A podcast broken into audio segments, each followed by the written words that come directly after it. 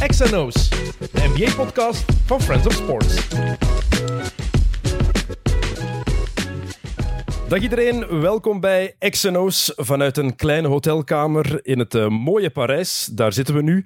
Daarom zitten we hier ook zoals dit op een bed, een beetje ongemakkelijk. Uh, uh, maar hey, we zijn er, zoals beloofd. Het is maandag 12 juli en afgelopen nacht was het Game 3 van de NBA Finals. En zoals ik gezegd had tijdens de podcast met Brian Lynch, gingen we sowieso nog over de finals praten. En we, dat zijn mijn broer Niels en ik, allebei nog aan het bekomen van het allerbeste eten van de afgelopen maanden. Ja? Prachtig.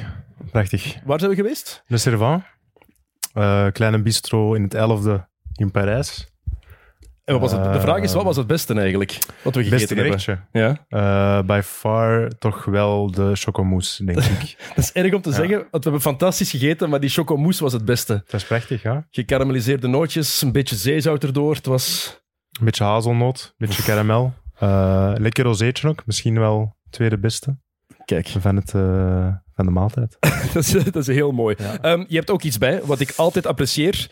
Um, een flesje wijn, want een we hebben geen... Een uh, geschenkje, als het ware. Hè? Uh, we hebben het wel samen gekocht, maar ik zal het hier even open doen. Het is een piak. Kijk, voilà. mooi. En uh, ook weer een rozeetje om in de sfeer te blijven. Kijk, dat is mooi. En normaal drinken we uh, een pintje tijdens XNO's, maar we zitten in Frankrijk, dus dan mag het iets anders zijn. Dan mag het wijn zijn. Hè?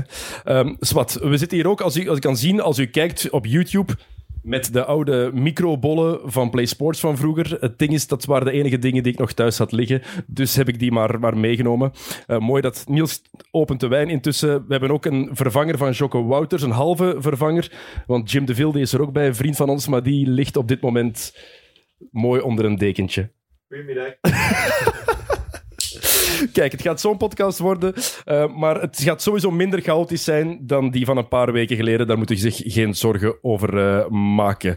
Um, het is geen voetbalpodcast, maar ik wil wel nog even zeggen: alleen maar liefde voor Sancho, Rashford en Saka. Daarom is het zo belangrijk dat er dus aandacht aan gegeven wordt en dat we er ook aandacht voor blijven geven, aan blijven besteden. Maar u weet denk ik wel hoe wij hier daarover denken. Maar we gaan het over de NBA hebben. NBA-podcast. Dus NBA Finals Game 3. Vannacht en vanmorgen hebben we naar Game 3 gekeken. Vannacht de eerste helft, vanmorgen de tweede helft. Tussen de Bucks en de Suns. En gelukkig voor de serie is het 2-1 geworden. De Suns-fans gaan het niet graag horen. Maar ja, ik denk dat het wel heel goed is dat het 2-1 geworden is. Anders was het gewoon game over. Ja, en ik ben toch, terug, en toch, ja. je bent terug. Ik mooi. was eventjes uh, de glazen aan het inschenken. Glazen, uh, we hebben mooie, mooie, mooie roze bekers. Uh, Dankjewel. Uit de supermarché. het is eh, toch een natuurwijntje, denk ik. Ik proef een beetje de mufheid. Eh, een beetje de doffe, de doffe smaak. Nou, wel lekker vinden, hè? Dus toch een beetje hipster eigenlijk. Ja, heel hipster. Hè? We zijn ook in Parijs, in het 11e, dus. In de, zomer, in de zomer van Spanje naar Parijs gaan. Ik snap nog altijd niet wat mij bezield heeft, maar goed. Uh, santé. Travel life. Voilà, Cheers. Kijk. Uh, op... Suns in... Oh nee, kan niet meer. Suns in 4. Suns in 4 kan is niet meer. voorbij. Alleen Bucks in Uh, 6 kan nog. Bucks in 6 kan nog. Ja. Trouwens, Suns in 4. Uh, we hebben gisteren, je had dat nog niet gezien, het interview gezien met die gast die in elkaar geslagen is. Jawel, we hebben het wel samen gezien. Ja, maar je had het nog niet gezien Ik had het nog niet gezien op voorhand. En het is, uh, mijn gedachten werden bevestigd. Een ongelofelijke loser. Uh, in het filmpje ook, voordat hij in elkaar wordt ge geslagen door de Suns-fan, laat hem zijn geld zo zien. Put your money where your mouth is. Uh, ja, volste kerel. En ook die gast, die heeft dus zelf bier over die kerel gekapt en dan verwacht hij dat er niks Ja. gaat gebeuren. En dan was hij eigenlijk die van de Suns-fan, was nu even rustig. Totdat hij dan zijn geld wegstak en uh, begon te slaan. En dan heeft hij wel een paar uppercuts gegeven. Topkerel. Boah, topkerel is veel. Ik, Ah, ik, keur geweld nooit goed. Nee, zeker. Maar hè, in die situatie moest hij hem even laten En zien. ook die uitleg. Ja, als je op je neus geslagen wordt, dan heb je zwarte vlekken onder je Hmm. ogen. Dus hij heeft me niet goed geraakt. Hij besefte, de, uh, zei dat het van het krabben was. Hè? Leugens. Leugens. Wat een onzin. Heel lekker trouwens. Lekker, hè? Top. Het smaakt beter dan het ruikt. 14 euro. Zeer uh, fluoriserend kleurtje. Ik zal het nog even... Hè? Piak. Het past heel goed bij de bekers eigenlijk. Top. Domein Bobine. Kijk, Je voilà. dacht het al, hè, dat het uh, van Bobine was? Absoluut. Dat is met mijn, met mijn wijnke- wijnkennis, wist je dat helemaal. Uh, gelukkig voor de serie 2-1. Anders was het gedaan geweest. En toch, als ik de match van vannacht gekeken heb, heb ik nog altijd het gevoel dat de Suns in cruise control zijn. Dat zij echt wel de controle over de serie hebben. Ja, het is een beetje... Uh, ik heb het gevoel inderdaad ook dat de Suns uh, de bovenhand hebben. Maar het is een beetje een serie, naar mijn gevoel, dat de thuisploeg precies altijd wel gaat winnen. Hè? Mm, ja. Eh, ik vond het in Phoenix dat de Bucks niet echt de kans maakten om te winnen. En dan nu in eh, Milwaukee was het omgekeerd eigenlijk. Maar ik denk wel, als Aiton die foutenlast niet heeft, als Booker zijn shot een beetje vindt. Booker Ja. heeft in het vierde kwart niet gespeeld. Klopt, klopt. Was dat een boodschap van Monty Williams? Want jij zei dat gisteren, maar ik weet niet wat de boodschap dan... Geen enkel idee. Want wat zei Van Gundy en Jackson die zeiden dat ze dachten dat het was om hem te laten, te laten rusten voor de volgende match. Wat ik in de finals heel vreemd zou vinden. Dat zou kunnen, maar dat deed het heel snel dan al. Hè? Eh, al wanneer was het? Begin vierde kwart? Het vierde kwart niet Eh, gespeeld. Niet, derde kwart misschien op het einde nog even. Eh, maar niet veel alleszins. Wat waren de stats eigenlijk van... Boeker een puntje of 12. Niet in dubbele cijfers, denk ik. Ik ben even- Zelfs niet een dubbele cijfer. Ik ben de boxscore even aan het openen om zeker te zijn. Hup, Devin. Booker. Is de fact-checker Ja, hiernaast. dankjewel Jim. 10 punten, 3 op 14, 29 minuten gespeeld. Maar het ding is, de shots die hij kreeg, die hij pakte, Ja. waren wel zijn shots. Ze vielen gewoon niet. waren goede shots. Normaal scoort hem die wel. Hè. Eh allee, ik er natuurlijk altijd wel eens een paar missen, maar hij miste er heel veel. Inside werd hem ook een paar keer gestopt. Eh, Mhm. dan ging hem niet meer veel inside.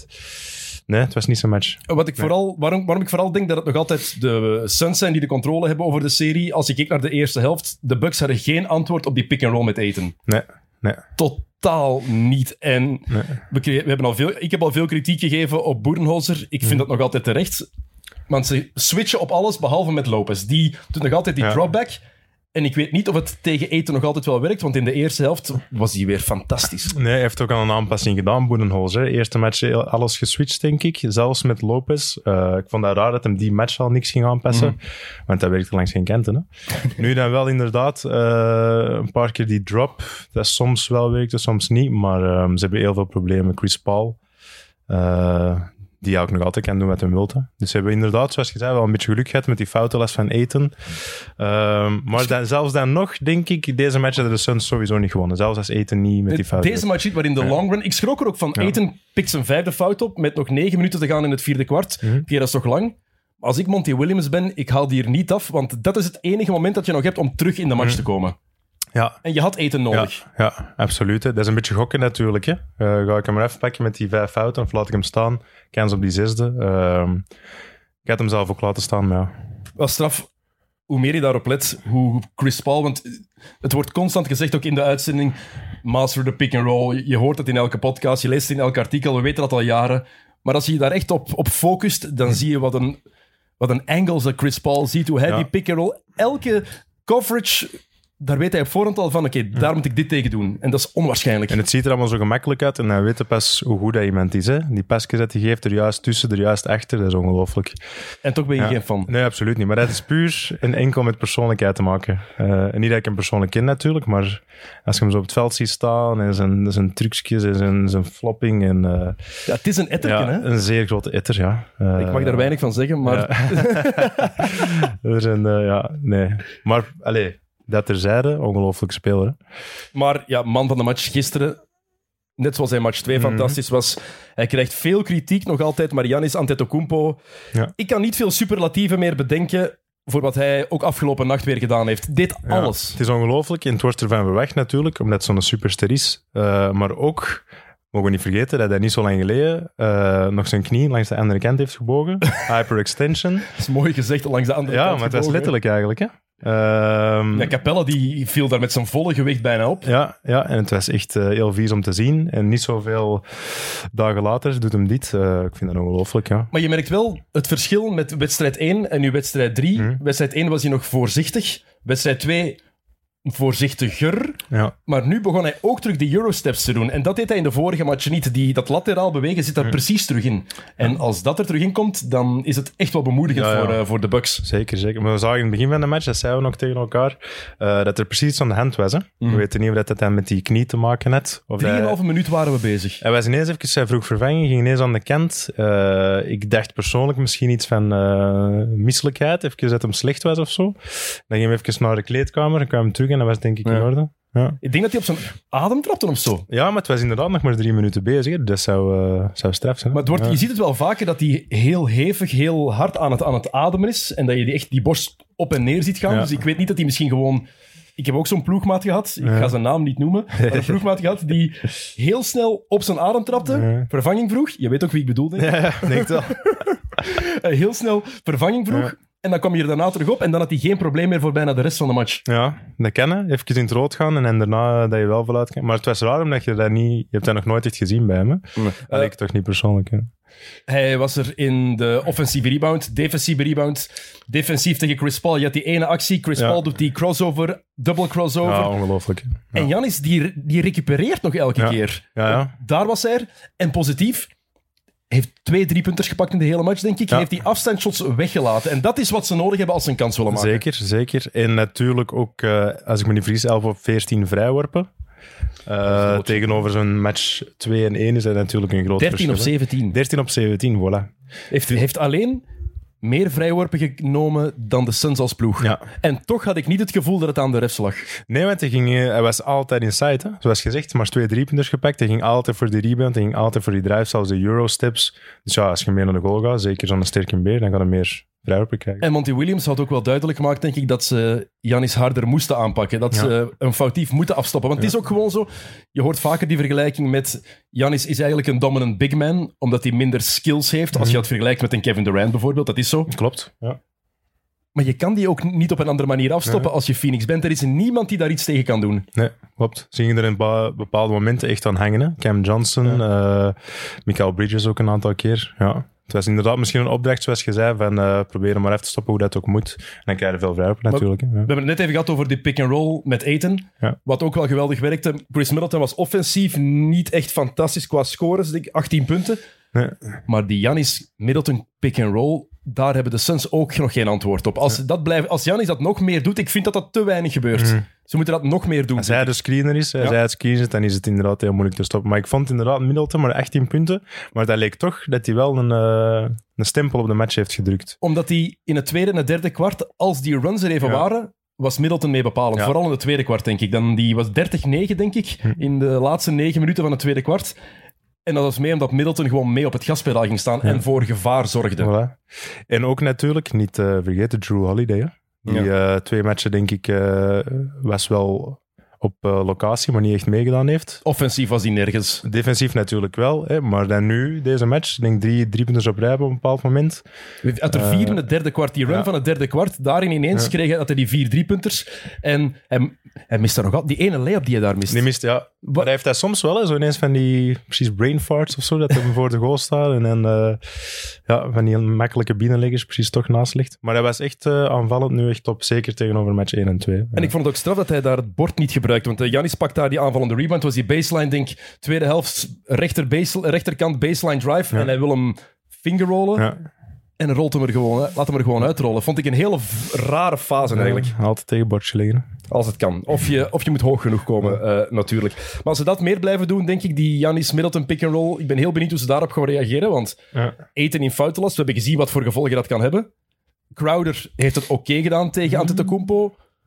Maar ze, ze hebben eten daartegen nodig, denk Ja. ik, om die, die lengte vooral te hebben. Is Crowder, eh, is eh Aiton een betere verdediger eh, tegen Janis? Of Crowder? Crowder bodyt hem meer op. Ja. En ehm Eten geeft hem de ruimte wat meer. Maar als Janis aan afkomt, heeft, ja, heeft Eten wel die lengte om daar te staan. Ja. Dus ja, dat is waar. Hè. Over Crowder kan je natuurlijk wel... eh, die zone defense die ze ook geprobeerd hebben natuurlijk af en toe bij Phoenix, dat zie ik ook nog wel werken. Ehm, maar ja, het is altijd een matchup zone, dus je kan daar wel pick-and-roll tegen spelen. Het is niet zoals onder de FIBA-regels dat je effectief gewoon een echte zone kan spelen, waar Ja. een pick-and-roll nutteloos tegen Ja, is eigenlijk vaak. Dus ehm, over de refs trouwens gesproken, eh, Scott Forster. Topmatch weer van Scott Foster. Grote fan van Scott Foster. Zo'n Chris Paul hater, hè. Maar Scott Foster, Chris Paul heeft nog nooit een playoff match gewonnen als die Ja, fluit. dat is natuurlijk wel heel frappant. Nog hè. nooit. Ik lag er een beetje mee, maar het is, eh, het is niet oké. Maar Ja. toch had ik niet het... Ik heb vaak het gevoel dat hij slecht fluit. Mhm. En dat hij tegen Chris Paul fluit. En afgelopen nacht had ik dat gevoel niet. Nee, maar ik vond ook de Bucks waren gewoon beter. Hè. Was, de Ravens hebben een goede match gefloten, denk ik. Ik heb er niet echt op zitten zagen of zo. Dus, eh, En, dan is het doen we meestal wel. Dus en als is ik er niet op zag, dan... eh, Dan is het een goed teken. Dan hebben ze een goede, goede job gedaan. Dat zegt genoeg. Eh, nog één ding over de Bucks wel. Jan is fantastisch. Ehm, Holiday was beter, 21 punten. Lopez vond ik met momenten ook goed. Lopez ook underrated, vind ik. Hè? Veel mensen zagen er ook op van die eh, de analisten op de, Ehm, NBA TV enzovoort. Maar ja, nee. Maar ik blijf het wel vreemd vinden. Het is een gast die een paar keer All-Star is geweest door hoe hij Ja. inside speelde. En nu laat hij zich vaak wegduwen inside. Hij af en toe die drives Ja. gehad, maar die gast heeft postmoves. Ja, ik maar snap niet dat ze dat nooit eh, gebruiken. Volgens mij, ja, maar het is volgens mij ook een moeilijke eh, balans om te maken. Want het is een ongelooflijk goede driepuntshotter ook, hè. Dus ga dat dan... Maar als je, als je Boerenholzer bent en je Ja. merkt dat bepaalde dingen niet je wilt ook de ruimte maken voor Janis. Ja. Dus je trekt naar buiten. Dat is goed, want ik kan hem toch binnenknallen. Maar als Janis op de bank zit, af en toe... Ik snap niet waarom je het af en toe eens niet zou proberen. Zet hem eens in de Ja, post. Maar doen ze dat nooit? Te weinig. Te weinig. Hij wil dat... ah, ja, of hij het zelf niet wil, dat kan ik natuurlijk niet weten. Maar het lijkt alsof hij dat niet wil. Hij Mhm. gaat gewoon achter de driepuntlijn staan. En Ja. ik, ik vind het heel vreemd dat het er minder in zit, precies, die moves. Want als hij er ook staat, die, dat vertrouwen dat daar vroeger bij Brooklyn wel was, Ja. of bij New Jersey daarvoor, Ja. dat zie ik niet meer. Vind ik heel raar. Ja. Zwat, eh, meer hulp nodig als je dan kijkt van de bank. Ja, Jeff Teague, ik deel Bill Simmons aan mening daar helemaal eh, over. Bobby Geen- Port, Geen Jeff Teague fan. Nee. geen Jeff Teague van. Eh 14 minuten gespeeld, 0 op 4, 1 assist, 2 steals wel, 1 balverlies, 0 punten. Kijk, Ja, en ook eh je voelt de flow niet, hè, als, hem, eh, als hem op het veld staat. Eh, ziet, hij past inderdaad naar Bobby Portis. Portis. Ze daar, Ja. we hebben dat ook gezegd vanmorgen. Op een gegeven moment hadden ze Ja. daar die, die play aan de, de strong... zij waren met twee en aan de andere kant, aan de strong side, stonden Janis, Middleton en Drew, denk ik. Ja. En dan kiest Teague ervoor om een slechte inside pas te geven en tweemansspel te geven met Bobby Portis. Als ik coach Boerenholzer ben, word ik zot. Ja, de slechtst mogelijke keuze. Ja, echt. En Bobby Portis trouwens, Ja. fan favorite. ja. Ik voel het niet You helemaal. love to hate hè. Dus eh, je ziet dat dat zo wel lastig ventje is, maar bij u in de ploeg, zo'n energy guy, kan, eh, kan wel wat opbrengen. Hebben we gisteren gezien uiteindelijk. Ja, maar de, de beste ploegmaat van elke buck, Ja. Is zonder twijfel zeg het, Thanasis. Thanasis Antetokounmpo. Eh ik heb nog nooit iemand gezien dat zo klaar is dat niet speelt eigenlijk. Wow, Allee, Mark, je vergeet Mark Madsen. Mark Madsen, ja. voilà. Vroeger van de Lakers, Mark Ja, Madsen. Mark Mensen Madsen die ook. zich niet meer herinneren, zoek hem op. Zeker. Een van de meest enthousiaste spelers ooit. Ja. Maar ja, die gast is echt... Ik denk dat Thanasis niet op de bank heeft gezeten. Nee. Allee, hij stond gewoon heel de match recht naast de bank. Ja. Klaar om iedereen recht te helpen. Ja, gegeven moment valt Janis. Ja. En hij is daar direct, hè. Ja, ja. Doet, blijf, blijf gewoon rustig op je plek. En dan komt er ook op, op het einde van het eerste kwart. Hoeveel seconden al, stond hij erop? Eerste fout? Twee, denk ik. Meteen een fout. Ze hadden het ook uitgerekend. Ik denk per 36 minuten heeft hij 9, komma zoveel fouten. per match. Het is onwaarschijnlijk. Nog een eh, klein puntje over Thanasis ook. Het eh, mooie roze schoenen aan, maar geen Greek freaks. Hè? Dus hij draagt niet de schoenen van zijn broer. Toch wel frappant, vind Ja, ik. we hebben dan tegen elkaar gezegd: van, stel je voor dat een van ons twee de superster zou Ja. zijn. We zouden op een hoog niveau gespeeld, echt hoog niveau gespeeld hebben. Je hebt die eigen Ja. schoen. Ja, ik draag die van nu Ja, altijd. hè. zeker, we dragen elkaar schoenen. Dat is, eh, is vreemd. Ja, heel raar. Ik- ja, misschien krijgt die... die nee, ik, ik snap het. Er is- Er is echt letterlijk, geen- er is echt letterlijk geen verklaring voor. Nee. Geen verklaring voor. Ehm, coach Boerenholzer trouwens... Ik heb er al kritiek op gegeven. En Van Gundy nam het voor hem op. Die zei, all it does is win. Voorlopig heeft hij als headcoach nog, nog nooit een titel gewonnen, dus dat zo is. Maar die maakt zoveel domme beslissingen, neemt zoveel domme beslissingen en die, ze heeft één challenge. En gebruikt die ene challenge voor een fout van PJ Tucker met nog 4,5 minuten te gaan in het derde kwart. Was het de dunk? Of, eh, nee. Ja, die dunk Ja, van Cam Johnson. Oef. Zotte dunk ook trouwens. Eh, echt ongelooflijk. Maar Boeden- eh, Boedenholzer, ook eh, twee keer coach van het jaar, denk ik. Hè. Maar ehm, ja, ik zag zo'n filmpje dat hij voor de match zijn ploeg eigenlijk aan het uh, oppippen was. Ja, dat was ongelooflijk. Allee, wat hij allemaal zei was het droogste ooit. Ik snap niet dat iemand daar gemotiveerd van wordt. Dat is maar een side note natuurlijk, hè, maar eh, niet echt motivational. Totaal Maar in het reguliere seizoen is die fantastisch. Daarom ook twee keer terecht coach van het jaar Ja. geweest. Met Atlanta in 2015 en dan met Milwaukee twee jaar geleden, denk ik. En het was allebei terecht. Hm. Maar sommige keuzes die hij nu maakt, begrijp ik niet. En die, die challenge is er daar één van. Ja, Als er één speler... Ja. Er is, je, je challenged een fout van Holiday, Middleton Ja. of Giannis. zodat ze geen, niet te veel fouten krijgen. Ja, Tucker, oké, eh, je hebt die defensief nodig, maar op dat moment, je staat er ruim voor, 4,5 minuten in het derde kwart. Wacht toch tot het belangrijk wordt. Ja, en ook als er zo'n dunk wordt gedaan, even gewoon accepteren. Hè. Allee, niet, gewoon niet challengen. Hè. Rustig balken ingooien en verder spelen. Want Cam Johnson... Waanzin.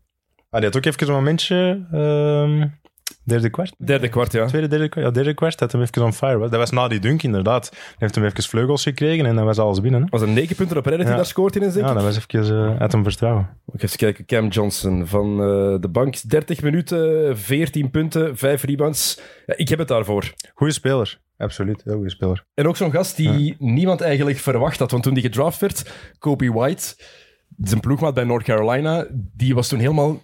Did Cam Johnson get drafted? Ja. En iedereen had daar kritiek op, want die was al ouder. Hij is nu 25 jaar ook al, nog maar in zijn derde jaar in de NBA. Hij is al 25. Ah, dat is echt stom om te zeggen, hij is al 25. 25, dat is echt ja, belachelijk eigenlijk. maar het is wel zo. En elke keer als hij op het veld staat, heb ik daar voor Phoenix een beter gevoel bij.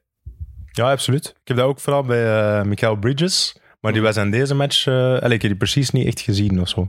In tegenstelling tot de eerste twee matchen, dat hij echt top was. Vooral game 2. Vier punten, ja. Twee rebounds, twee assists en vier balverliezen. En te weten dat hij van 27 punten komt, game 2, denk ik. Even scout geblazen. Maar ook passiever. Hm. Heeft in de hele die match vier shots gepakt. Ja. En je voelde dat ergens, vond ik ook. Dat hij Ja. veel minder in de... Net zoals Boeker. Hij Ja. had die flow precies niet helemaal. Maar Booker pakte de shots dan ook. Ja. Maar dat is natuurlijk ook omdat hij een Booker is. Allee, hij gaat die shots sowieso pakken. Maar Booker miste inderdaad goede shots. Ja. En Johnson, eh, wat zeg ik, ehm, Bridges. Bridges, die was er gewoon niet helemaal. Ik zeg het, en toch heb ik het gevoel dat ze die match... Oké, het was gedaan in het derde kwart, ik weet het. Maar toch heb ik het gevoel dat Phoenix Milwaukee nog altijd wel pijn kon doen. Mhm. Het zal, kan misschien een verkeerd gevoel zijn, hè? want Ja. dat is echt een gevoel. Niet gebaseerd op feiten, niet gebaseerd op cijfers. Puur gevoel van naar die, naar die match te Ik kijken. had dat tot die run. Vanaf dat die run begon en dat ze ineens 20 voor stonden, dan dacht ik wel, het is nu echt al gedaan. Ja. Dan dacht ik niet dat het nog kon ombuigen of zo. Ehm, wat nu voor match 4?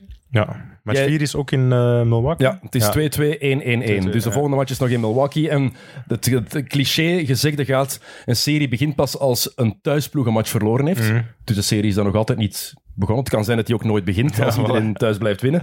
Kan nog altijd. Ik weet niet of Milwaukee effectief gevonden... Of nee, dat is fout, fout verwoord. Of ze gaan vasthouden aan wat ze nu gevonden hebben. Want als ze effectief die pick-and-roll met Giannis en Middleton, met Giannis en Drew meer en meer gaan gebruiken, dan ziet het er heel goed uit wel voor Milwaukee. Maar met Boedenholzer maak ik me er altijd zorgen over. En af en toe hebben wij Ja. tegen elkaar ook gezegd, we waren aan het kijken naar die match. En ineens was die flow uit die aanval. Ja. Ineens voelde hij van... Het is weg en ik begreep niet waarom. Ja, het is, eh, en het is ook een beetje het punt dat het, het gevoel dat bij Phoenix ook breder is. Hè? Ik weet niet of dat effectief zo is, maar zo de bank van Milwaukee... Als je kijkt naar de bank van moeilijk? Milwaukee, wie daar is afgekomen, Bobby Portis, Jeff Teague, Pat Connaughton. Ja. En dan Pat Connaughton, oké, ja, die kan soms ook wel eens momentjes hebben, maar die gaan nu niet. Die speelt een half uur, hè. die heeft Ja. 30 minuten gespeeld. Ja, maar wie anders kunnen ze, want we hebben ook, Niemand? er waren nog twee eh, dat ik zelf nog niet ken. Ja, eh, Sam Merrill en eh, Jordan Nwara. Ja, die hebben op het einde nog een paar minuutjes met de Nessies gekregen. Ja, maar het is, Hm. Ja, het is zeven, zeven man rotatie eigenlijk. Ja. Hè. En aan En, de overkant... en met Jeff Teague erbij, of niet? Met Jeff Teague erbij. Ja, ja, met Jeff Teague erbij. Dus eh, ze is Nee, acht man. Acht man. Met Jeff Teague erbij, acht ja, man. Ik reken die niet mee. Ik heb Bob Portis, Bobby Portis als zevende man. Eh, aan de overkant heb je dan Torrey Craig, die toch nog kon spelen. Cam Mhm. Johnson van de bak. Campaign. Ja, campaign ook echt top. Topspeler. Dat blijft ook goed aan het spelen, gewoon echt, ja. een prachtig verhaal en vooral zo'n raadsel. Dus in zijn eerste jaar wordt hij afgeschreven na zijn eerste training. Nee, zijn tweede training. Dan vorig jaar zat hij in China, in de G-League. Dan heeft hij in de bubbel een kans gekregen omdat hij hoopte om een roster te halen dit jaar. En nu speelt hij belangrijke minuten in de finals. En speelt hij goed. Ja, ja. Af en toe eens een puntje maken, maar ook gewoon hij laat de ploeg ook goed draaien. Ik vind dat, eh, ja, dat is een goede gast. 25 Zeer minuten, solide. 4 assists, 7 puntjes. Ja. Ik zie die wel graag bezig, ook Ja, eerlijk maar gezegd. ook niet per se die stats, maar inderdaad, als hij aan het spelen is gevoeld dat dat zo dat vloeit. En je voelt ook, dat vind ik het mooie aan Monty Williams, die durft meer proberen, experimenteren. Als je kijkt, die two-guard line-up, die two-point guard line-up met Chris Paul en met, eh, met Payne, het heeft niet gewerkt afgelopen nacht, maar ze durven dat tenminste wel proberen. Ja, inderdaad. En het was raar om Payne te zeggen, want het is zo'n speler waar je de voornaam altijd van zegt. Ja. Ja, Cam. maar je hebt ook van die sommige gasten waar je Ja, niet alleen de achternaam van zegt, Ja. gewoon het is Campaign. campaign. Het was Johnson ook, dus Cam Johnson. Cam Johnson, ja. Altijd erbij. Als zijn voornaam Cam is, dus eigenlijk. Ja, en Cameron, moet altijd aan Modern Family denken ook. Cam. Cameron. Wie Modern Family nog nooit gezien heeft, eh, zeker doen. Eh, wat wordt het in match 4? Ik denk eh Bucks win. Ja. Dus Ook met 2-2 omdat- terug naar Phoenix. Ja, ook omdat als ze die match verliezen, dan is het wel gedaan, denk ik. Ja, er is nog maar één ploeg ooit teruggekomen van 3 ja. Iedereen weet wie dat en, was. Ja, en je voelt ook inderdaad van, misschien ooit Of soms voelde misschien dat kan wel, maar nu denk ik niet. Allee, dan komen ze niet meer terug, eh, de Bucks. Dus ik denk sowieso, eh, ja, ik denk Bucks win. Wel heerlijke sfeer. En dat is zo voor mij even een beetje een, een, een, of gaat een contrast zijn. Er mogen geen supporters zijn in de Olympische Spelen. Voor geen enkele sport. En nu zie je tijdens de finals, zowel in Phoenix als Milwaukee, de hele playoffs al volle zalen. Ja. En je voelt die sfeer terug. We hebben het gezien op Wembley voor, voor, voor de WK halve finales, finale. We hebben daar terug volle stadions gezien. Mhm. En het is misschien niet allemaal te verantwoorden in Europa. In de States staan ze blijkbaar al veel verder met vaccinaties. Ja, ik zou het ook ik, denken, ja. ik zeg elke keer, het is ook zo, ik ben geen viroloog, geen amateur-viroloog, ik ken daar geen hol van. Ik weet alleen dat ik het fantastisch vind om terug die sfeer echt te voelen. En als je het dan vergelijkt met de bubbel vorig jaar, het was tof dat er basket was. Maar dit is tenminste echt. Ja. Dit, is- dit, Ah, dat is totaal anders. Toen net de Lakers kampioen werden, dat was precies van, ja, ja, zo'n toernooitje. Zo. ja, dat is echt zo- zo'n Ja. zomertoernooitje. Ja, voilà. Maar 25.000 man daarbuiten in de Deer District, ja, wat is dat? Nee. is dat een goede naam? Hoe zou je het anders noemen? Want je hebt in Toronto Jurassic Park, dat is Dat is fantastisch. fantastisch. Dat is, Dat is cool. Ja. de Deer District. Als jullie een idee hebben, laat het ons weten. Echt, zet in de comments een betere naam. Ik weet niet of ik het goed vind of niet. Ik heb er nog niet echt een mening over, maar de Deer District. En dan noemt hij in Phoenix, heeft hij ook een naam? Eh, Daar staan ze Valley. niet buiten, denk Ah, ik. nee. Ja, het is iets te is te warm. Ja, dat, dat heb ik gehoord in een paar blijven. podcasts, inderdaad. Het is daar echt de slechtste stad om de finals in te organiseren, omdat het daar Ja. zo heet is. Heb je Kendrick Perkins gezien? ja, ik kijk liever niet te veel naar Kendrick Perkins. Maar die moest dan geschminkt worden voor de jump, onder andere. en elke keer moeten ze die gaan afdeppen, Ja. omdat die mens niet tegen de hitte kan. Het is er zo warm dat het er gewoon, gewoon terug afkomt. Ehm, nog twee dingen. Eén, als we terug naar Phoenix gaan en Milwaukee komt op voorsprong. Effectief een match winnen in Phoenix, 20 punten voor. Mhm. Eh, Van Gundy heeft het ook al eens gezegd. En ik ben het daar helemaal mee eens eigenlijk. En ze beginnen dan te tellen.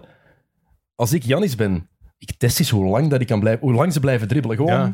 blijven gaan. De refs Ja. gaan het afluiten. Hè? Na Maar 15 seconden waarschijnlijk. Ja. Ik hij heeft al 15 seconden gehad. Maar je ziet inderdaad, je ziet wel hier in Milwaukee, als ze niet tellen, of zo'n paar fans van de Suns zijn, dat die veel sneller shot precies. Hè? Maar, in, lijkt zo. maar in Phoenix ook, die tweede match. De eerste match ging het trager, maar in de tweede match zag je al Ja. dat hij in minder dan 10 seconden soms Ja. effectief shotte. Maar dan shot 10 hij precies ook beter, vind ik. Maar, hij zit te lang weg, dan, is hij, dan shot hij slechter. maar iedereen die ooit gebasket heeft en naar de vrijworplijn is gegaan, weet dat het een slecht idee is om ja, te lang, te lang, te hè, lang- ja. Je begint na te Een denken. paar dribbeltjes, iets draaien met een bal. En Vast gooien, routine. Ja, voilà. En ik vind het ook straf dat hij voordat hij de bal krijgt, dat hij dat al mag doen. Dat hoort er toch bij? Zou op zich moeten, maar ja, dat is Janis dan. Hè? Als je twee keer MVP bent, maar iets meer. hè. Ja, dat is waar. Ehm, nog één ding, we hebben ook gekeken gisteren naar een ruime samenvatting van het WK U19 Team USA tegen Frankrijk. Mhm. Met een paar fenomenen, met vooral twee reuzen. Chet Holmgren bij Team USA, waarschijnlijk nummer 1 draftpick volgend jaar. Tenminste, op dit moment is dat de nummer 1 optie. Eh, gaat naar Gonzaga volgend jaar. Maar bij Frankrijk, het fenomeen. Wauw. Victor Wembanyama, ehm 17 jaar, Wembanyama, Ja. geboren in januari 2004. 2 Ja. meter 20. Dat betekent dus dat hij naar het vijfde middelbaar gaat volgend jaar. Dat is een hele Ja. belangrijke nuance. dus dat is twee meter, sorry, 20. 20, ja. Die En gaat kan- groeien, hè? Ja, en kan shotten, hè. Het is, Alles? eh, ja. Want Chet Holmgren is van 2002. Die is er nu 2 meter 13. Ja. Kan ook alles. ja, maar dat is anders, toch, hè? Ehm, ik heb zo meer het gevoel bij de Fransman, ik zeg zijn naam altijd, Wim, Wembanyama. Wembanyama. Of Victor. Ja, Victor misschien dan. Dat, eh, veel, dat lijkt zo dat hij veel meer upside heeft dan, eh dan Chet, Omdat je denk ik. ziet ergens, Holmgren is al 19. Hm. Of, ja, is 19. 2002, ja. Is heel smal. Heel smal. Ja, toch 19, of vergis ik mij nu? Ja, 19 jaar. Mhm. En ik weet niet hoe die nog gaat bulken. Het zal waarschijnlijk wel komen. Heeft veel meer skills. Dus ik wil hem niet vergelijken met de Sean Bradley. Maar als ik kijk naar een lichaamstype, dan doet me dat daar wel aan denken. Terwijl bij Wembanyama, als je het vergelijkt met vorig jaar toen hij 16 was, dan zie je nu al progressie. Ja. En die, die wingspan van, van Wembanyama is belachelijk, hè? Ja. Dat is denk ik 2,35 meter. maar we hebben een paar van die alley-oops en rebounds gezien, Ja. waar we allebei van zeiden van, het is onmogelijk dat hij die kan halen. Heel hoog moet hij niet springen, denk ik, om te denken. Dat is, dat is Dus, belachelijk. Ja. En waar Dus- gaat hij ook, want hij is bij Nantes, als ik me niet vries? Of, eh, Lyon. Lyon? nu, Hij komt gaat van Nantes, Lyon. hij gaat naar... Ja, want hij is, Asvel. eh, ja, juist. Ja. Dat is van Tony Parker, hè, de ploeg. Eh, ja. Julie Alman zeker ook, Ja. eh, bij de dames. TJ Parker is daar De coach is de familie van? TJ. Ja, echt? Die- Zou raar zijn als het niet zo was, natuurlijk. Er zijn wel meer Parkers in de wereld natuurlijk. Klopt. Er staat... Eens kijken. Eh, Ah, broer. Ah, voilà. Nou, de jongste broer van Tony Parker. TJ en Tony. TJ en Tony. Echte Franse naam. Wat is het officieel? Terence Jonathan. Voilà. Terence Jonathan. Français. Paris. Terence Jonathan. Geboren in Valenciennes. Hey. Hey. Zelfs niet in Parijs. Is Tony Parker? Tony Parker geboren in... Brugge, hè? In Bruges. In Bruges. In Bruges. Slechtste film. Dat nog niet gezien. Oh, niet doen. Ja? Colin Firth. Ja, wel top acteur. Nee, dat Colin, nee, Colin, Farrell. Farrell. Of Farrell. Farrell, Farrell. Colin Farrell, denk ik. Ja, oké. Goed. voilà, kijk. Ehm, dat was het over game 3 van de finals. We zullen na game 4 of game 5, afhankelijk van waar we zitten, want we gaan hierna richting Bordeaux. Bordeaux, daar naar surfstadjes ongeveer en eindigen in San Sebastian. Dat is de bedoeling toch van onze trip. Dus eh, Yes. we gaan nog wel iets brengen. Hoe of wat, dat laten we u zo snel mogelijk weten. Niels, dikke merci. Jullie bedankt voor het kijken en luisteren. En tot de volgende keer. Salut. Yo.